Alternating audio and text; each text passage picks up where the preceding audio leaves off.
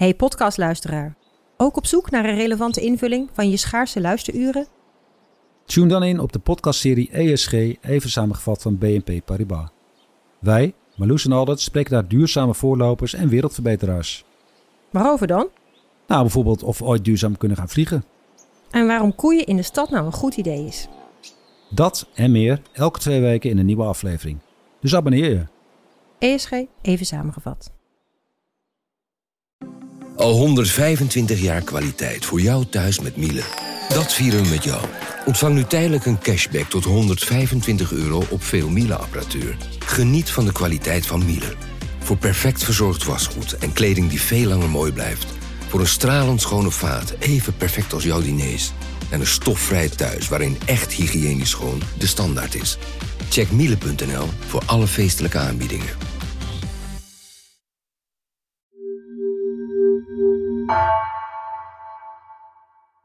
Wie wil er graag? Ik denk nootjes heel, eigenlijk Maar dat denkt het- ook iemand even dat hij het goed kan?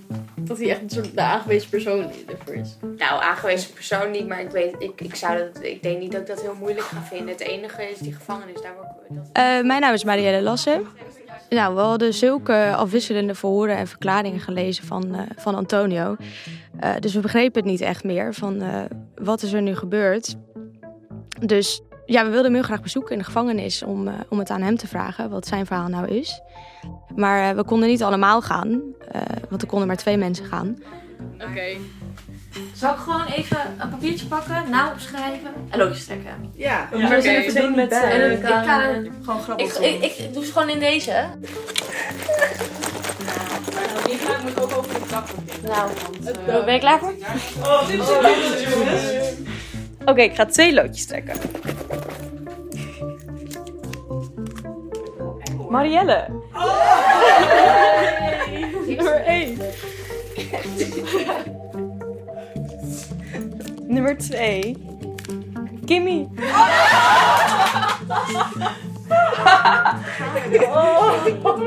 Nou, ik had dus echt niet verwacht dat mijn naam er sowieso tussen zou zitten. En ehm, dus ik was echt zo blij dat eh, toen ik bij naam hoorde. Ja, dat is wel Ja, waar. maar ik heb het wel, de, als ik hem voorstel, denk ik wel aan hoe ik hem op de foto's heb gezien. Ja, maar ik vind Ja, dan is het natuurlijk een heel groot vraagteken nog hoe zijn stem klinkt Ja. en wat zijn lichaamstaal is en hoe dat soort dingen. Dat- Ik was heel erg benieuwd naar wie Antonio was. Dus ook naar zijn verhaal.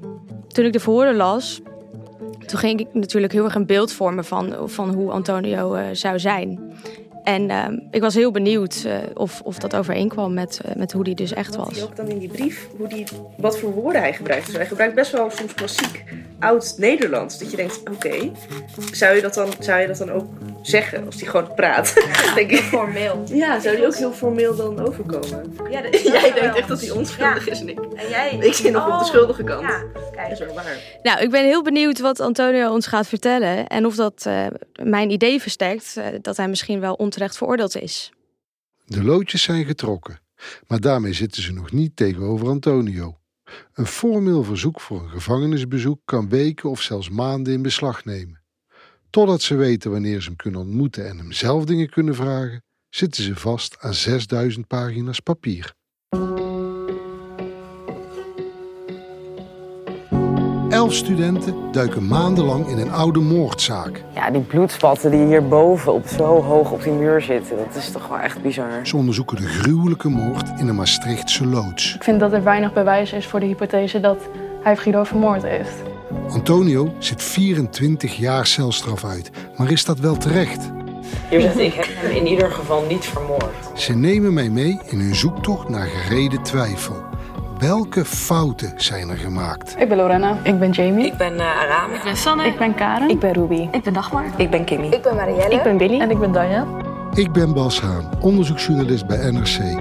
En je luistert naar aflevering 2, Antonio.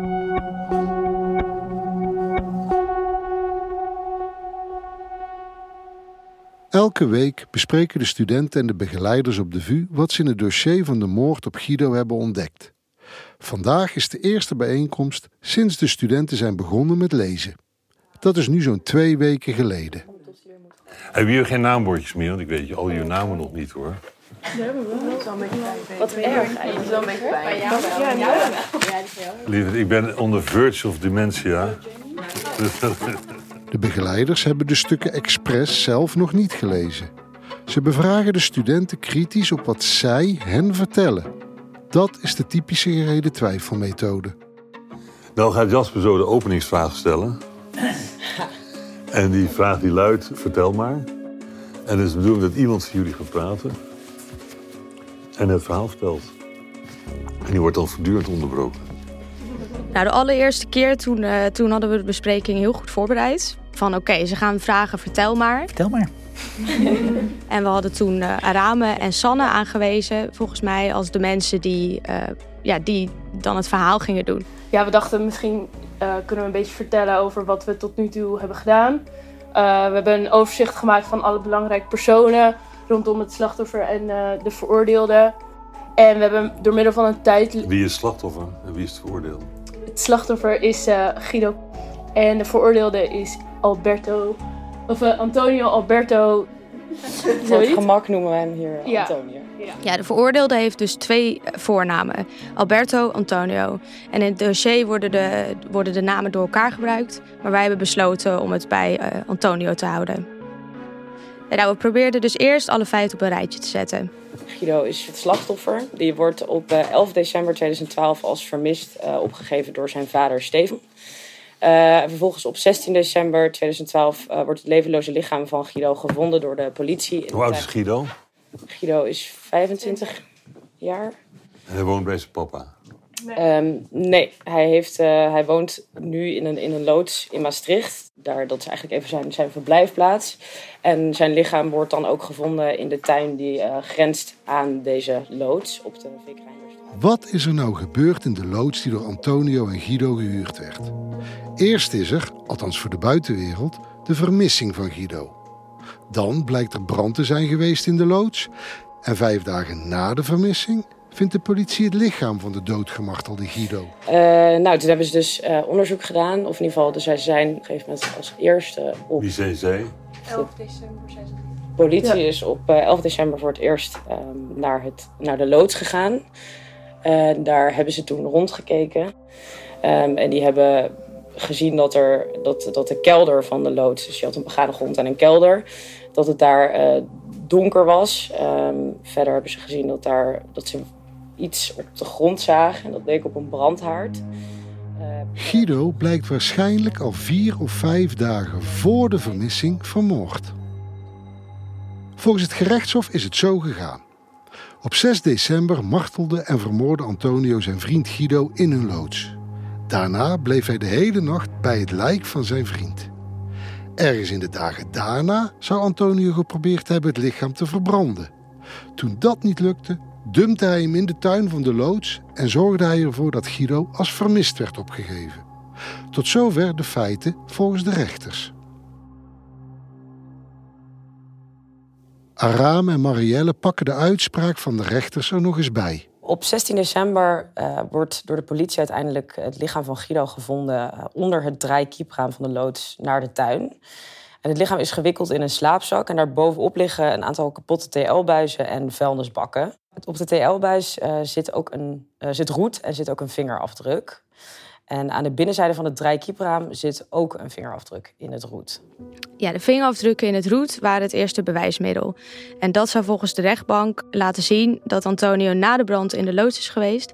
En eh, dus ook na de dood van Guido. Al snel blijkt dan dat de vingerafdrukken van Antonio zijn. Eh, en ook is van Antonio DNA op een aantal spullen gevonden waarmee eh, Guido mogelijk gemarteld is. Dus er waren de vingerafdrukken in het roet. Eh, er zat ook DNA van Antonio op de martelwerktuigen. Maar er was nog een derde bewijsmiddel volgens de rechters. Het derde bewijsmiddel was de getuigenverklaring van de vrienden van Antonio, dus Stefan en Sebastiaan. Op 9 december in het huis van Sebastian en zijn huisgenoot Stefan vertelt Antonio dat hij in de problemen zit. Hij heeft iemand in de fik gestoken en zijn schoenen weggegooid. Ja, Antonio die zou dus tegen Sebastiaan en Stefan een warrig verhaal verteld hebben dat hij iemand zou hebben gedood. Sebastian die vraagt dan naar het moordwapen en Antonio die zegt dan right here, terwijl hij zijn vuisten laat zien. Stefan en Sebastian die zien aan zijn vuisten geen verwondingen en geloven hem daarom eigenlijk niet. Ja, die jongens die vonden het maar een vaag verhaal. Want als je iemand doodt met je handen, dan zou je dat moeten zien. Uh, bijvoorbeeld aan uh, wondjes op je handen of krassen. Um, en Antonio had volgens hun ook wel vaker sterke verhalen. Maar toch, uh, desondanks, hebben ze wel tegen de politie verteld wat, wat Antonio tegen hun heeft verteld. En uit deze feiten concludeert de rechtbank dat Antonio Guido langdurig en ernstig heeft mishandeld en is zelfs gevolg daarvan overleden. Vervolgens heeft hij het lichaam van Guido verbrand en verstopt in de tuin van de loods. Maar op de vraag waarom Antonio zijn eigen vriend martelde, vermoordde en uiteindelijk het lichaam probeerde te verbranden, daarop geeft het gerechtshof geen antwoord. Er staat geen helder motief in het arrest. Dus nu willen de studenten weten: wat deden die twee vrienden uit Wijk bij Duurstede nu eigenlijk in die loods ver weg in Maastricht? Nee, nee, nee. dat is misschien wel belangrijk om te weten dat um, onze verdachte of veroordeelde en het slachtoffer hadden samen een bedrijf en ze verhandelden in banden. Daarvoor hadden ze, ze komen eigenlijk uit Wijk bij Duurstede, uh, wijk bij, Duurstede, bij Utrecht. Um, maar ze hadden toen een loods nodig om die banden op te slaan. Daarom hebben ze daar in Maastricht, ook qua locatie dicht bij Duitsland, waar ze vaak die banden dan zouden gaan halen. Um, hebben ze daar een loods gevonden en gehuurd om mede als opslag en later ook als verblijf voor Guido. En dat huurcontract stond op de naam van slachtoffer, dus Guido, en die van uh, Antonio. Die, uh, die loodsen, daar hadden ze hun handen in banden in. Ja, ja nou. Ja. Ze, ja. ja. ze stonden ingeschreven bij de KVK. Ja. ja. ja. Lager de banden. Vier, vier ja. maar of drie, of twee. Niet in elk GGV hetzelfde aantal.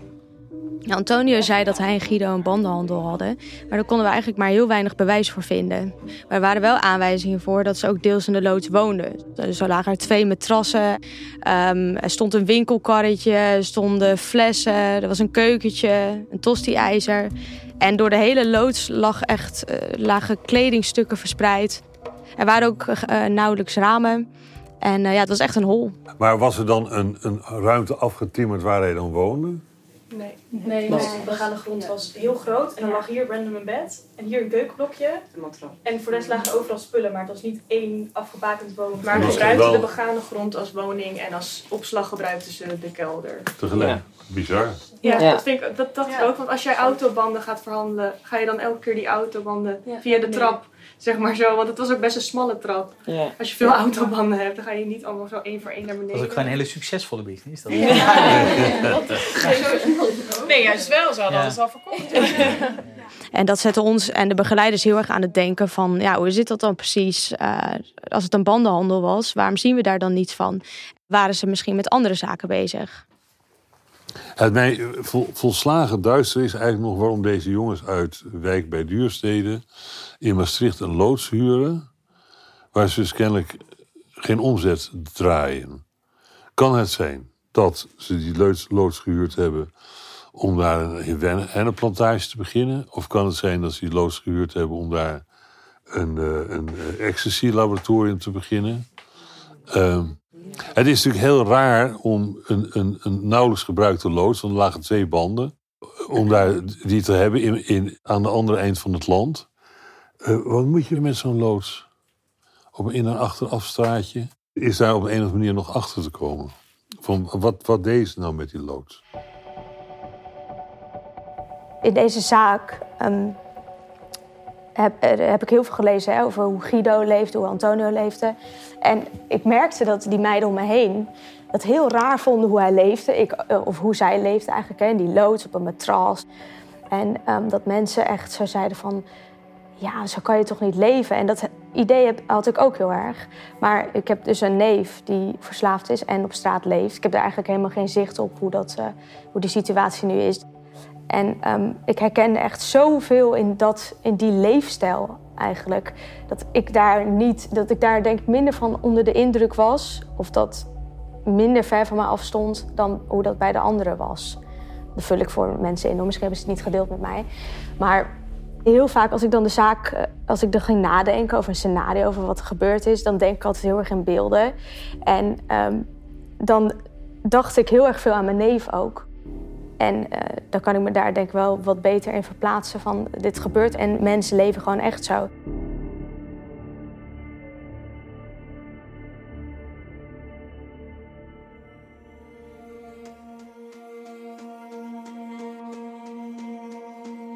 Antonio heeft altijd ontkend en houdt nog steeds vol onschuldig te zijn.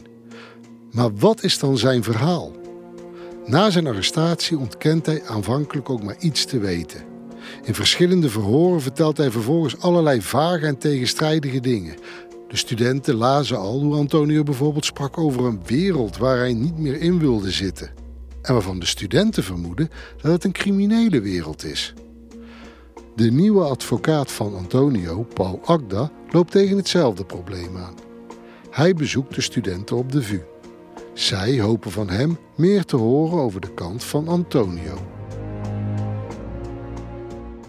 Zo, werken jullie allemaal aan, aan de zaak vanuit het project? Ja. Zo. We zijn met elf. Met elf? Ja. Jeetje. Dus we zijn vandaag niet eens compleet. Wij zaten eh, vaak Ja, ik eh, kende Paul een beetje van tv, want eh, hij kwam regelmatig in eh, programma's of in documentaires van zaken waarbij mogelijk sprake was van eh, een rechterlijke dwaling. Ik zag Paul al van buiten aankomen lopen, toen zwaaide ik. Dat zag hij niet, helaas.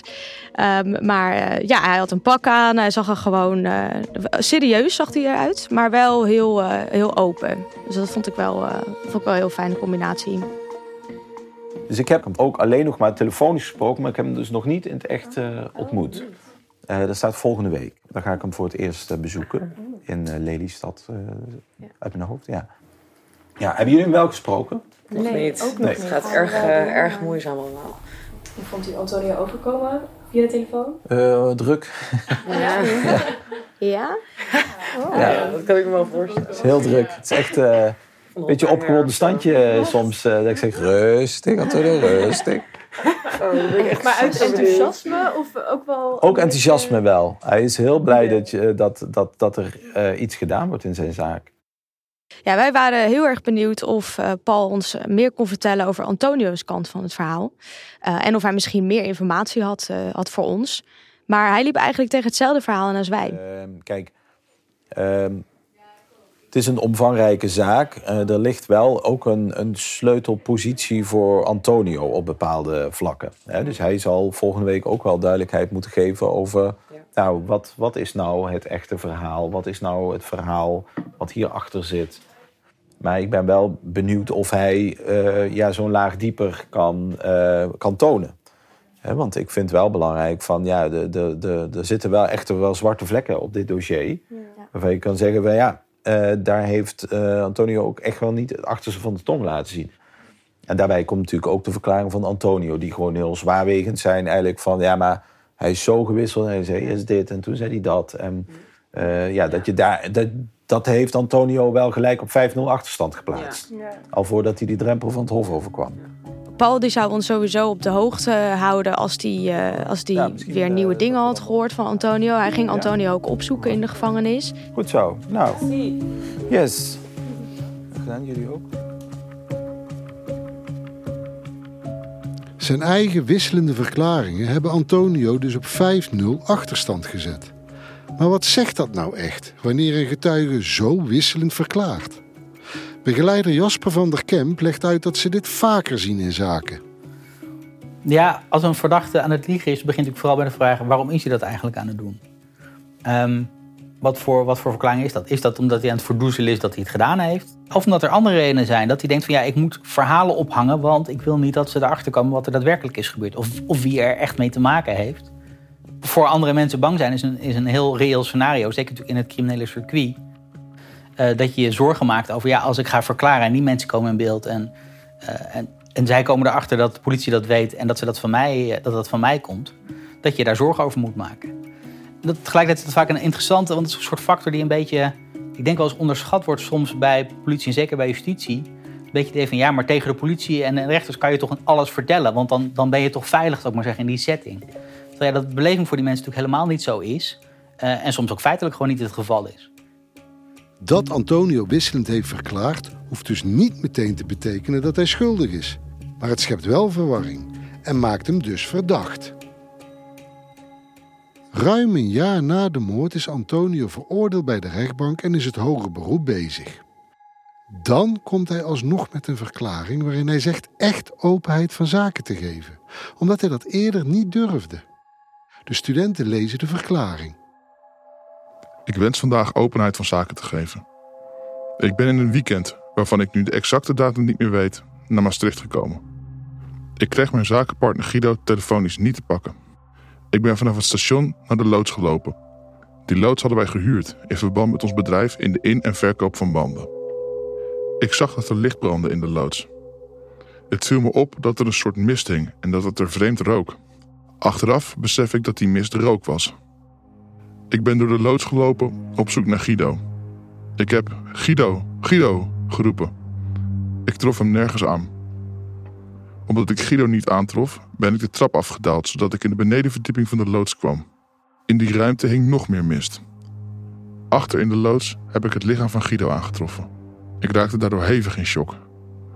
Ik kon niet geloven dat hij het was. Het lichaam dat ik aantrof zag er heel slecht uit en was zwart. Toen ik mij realiseerde dat het Guido was die daar lag, heb ik nog geprobeerd om hem te reanimeren. Ik drukte zijn neus dicht en hield zijn mond een klein beetje open om lucht in zijn longen te blazen. Ik raakte daardoor in totale shock. Ik had het gevoel dat er een soort damp uit zijn keel kwam. Dat werd erger toen ik op zijn borst drukte. Toen pas kwam ik tot het besef dat Guido niet meer leefde.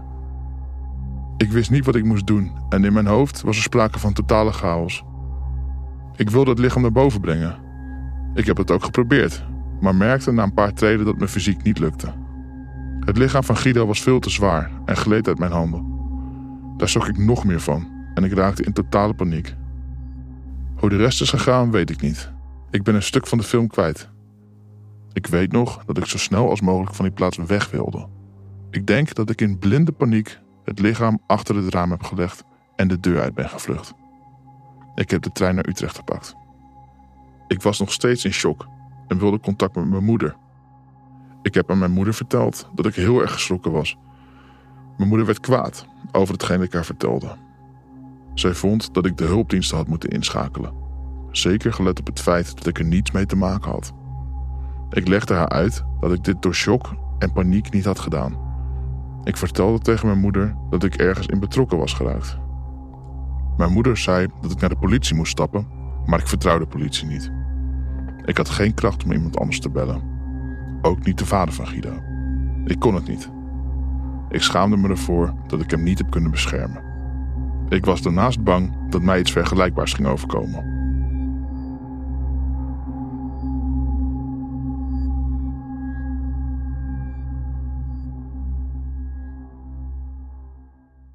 De studenten weten niet goed wat ze moeten denken van Antonio's verklaring.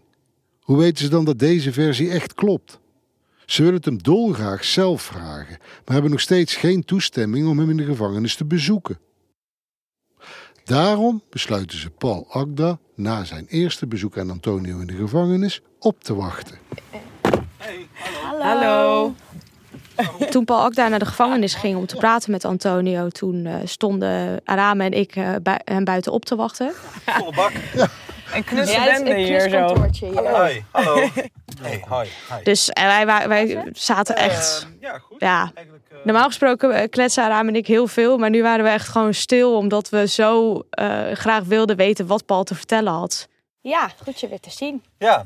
Hoe was het? Ehm, ja, goed. Eigenlijk ehm, zoals verwacht. Eh, altijd lastig om hier naar binnen te komen. En, en bij eh, onze vorige meeting toen zei je ook dat je ook van zijn kant wel verwachtte dat hij ook wel heel open zou zijn. Omdat hij ook Ja. wel een grote rol heeft Ja. en eh, het ook wel heel erg van belang is. Ja, wat deden ze nou precies in Maastricht en wat is Ja. zijn rol geweest? Hoe, hoe Hij- kwam hij daar? ik heb hem daarna gevraagd. Ik heb ook gezegd van, kijk, het, het hoeft niet zo te zijn dat je alles de hoed en de rand gaat benoemen. Maar het kan wel zo zijn eh, dat je ehm, hè, openheid van zaken moet geven over bepaalde achterliggende kwesties. Eh, en dat dat eigenlijk onontkoombaar is, wil je eh, verder kunnen komen met deze zaak. Maar hij gaf wel aan van ja, hè, ik heb dat niet kunnen doen vanwege de dreiging die daarachter gaat. Hè. Kijk naar Guido, kijk naar wat er gebeurd is. Eh, ik wist op het moment dat ik eh, iets zou vertellen, dat mij datzelfde zou of overkomen of gaat overkomen. Dus hij, hij is daar wel nog steeds eh, ja, angstig voor. Dat, dat merk je wel. Want heeft hij zelf eigenlijk iets gezegd over wat er, er volgens hem gebeurd is? Ja, dat, hij geeft wel aan van dat, dat hij daar dus zelf geen betrokkenheid in heeft gehad. Maar hij, eh, hij heeft het dan, hij zegt dus wel van ja, dat moet dus voor, door anderen zijn gebeurd. Alleen ja, in deze bespreking hebben we dat nog niet handen en voeten kunnen geven. Omdat hij geeft daar dus wel van aan. Ja, eh, ik loop gevaar op het moment dat ik dat, dat wel eh, ga doen. Ehm, ja, we zullen een, een methode moeten vinden om, om daar eh, dieper in eh, te komen. Ja. Ja. Wat Antonio aan Paul verteld had, dat leek redelijk goed overeen te komen met het beeld wat wij uit het dossier hadden. En eh, dat was ook heel opluchtend. Dat we dachten van oké, we doen het niet voor niets. Dat is even weer een bevestiging. Eh, maar goed, wij wilden het natuurlijk wel zelf aan Antonio vragen. En we wilden hem zelf eh, zien en, en spreken en langsgaan. Ehm, dat, Wat zei dat, hij daarover? Nou, hij zei van ja, ik heb dat allemaal, dat is allemaal al doorgegeven. Men weet allemaal al dat ik daar toestemming voor geef. Ehm, maar hij, hij, hij zei eigenlijk ook van ja, wanneer komen ze nou? Eh toen zei ik ja, dat ligt dus niet aan, eh, aan, aan buiten, maar dat ligt dus hier binnen. Ehm, en ik ben bezig om, om dat eh, ja, duidelijk te krijgen. Dus ik ga dadelijk in de auto ook de case manager even bellen. Tot nu toe mogen gereden twijfelstudenten altijd de veroordeelde bezoeken. Het is een vast onderdeel van het project. Dat er gedoe zou zijn, daar waren ze op voorbereid. Hoeveel tijd ze krijgen of met hoeveel studenten ze welkom zijn. Maar nu mailt Peter Verkoppen hen het slecht nieuws. Slecht nieuws. Oh jee. Nee. We hebben een mail van Peter gekregen dat we niet naar de, dat jullie niet naar de gevangenis mogen omdat er ambulance ligt. Hè? Ja, Dat dat is is alles wel wat we hij weten. zegt- Dat is raar. Besten, we mogen niet in de PI komen bij Antonio. Het OM ligt dwars. Probeer voor morgen de argumenten te krijgen. Wat? Wat? Het OM denk ik dan toch? Ik denk het. Ja. Ja, dat is wel bizar. Ja, het Probeer Ja, voor morgen argumenten te krijgen. Ja, maar dat is toch heel raar, want... ja, je mag toch gewoon vrij bezoek Ja, en ook voor andere zaken zijn toch ook gewoon mensen naar de Ja. gevangenis geweest. Als wij niet mogen. Ik ben echt benieuwd wat de argumenten zijn. Ja. Dan. Oh, maar je hebt er zo lang op gewacht.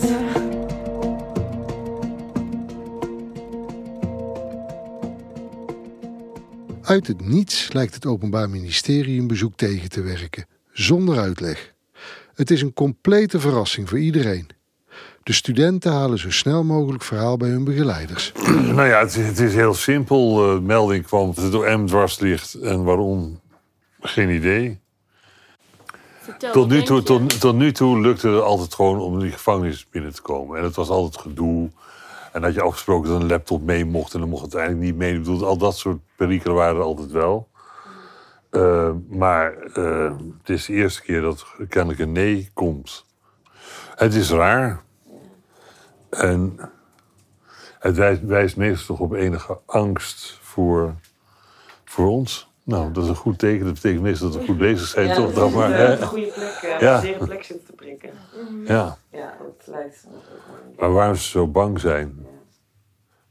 Maar misschien heeft dat er ook mee te maken dat er een heel belangrijk deel van de zaak niet uitgezocht is.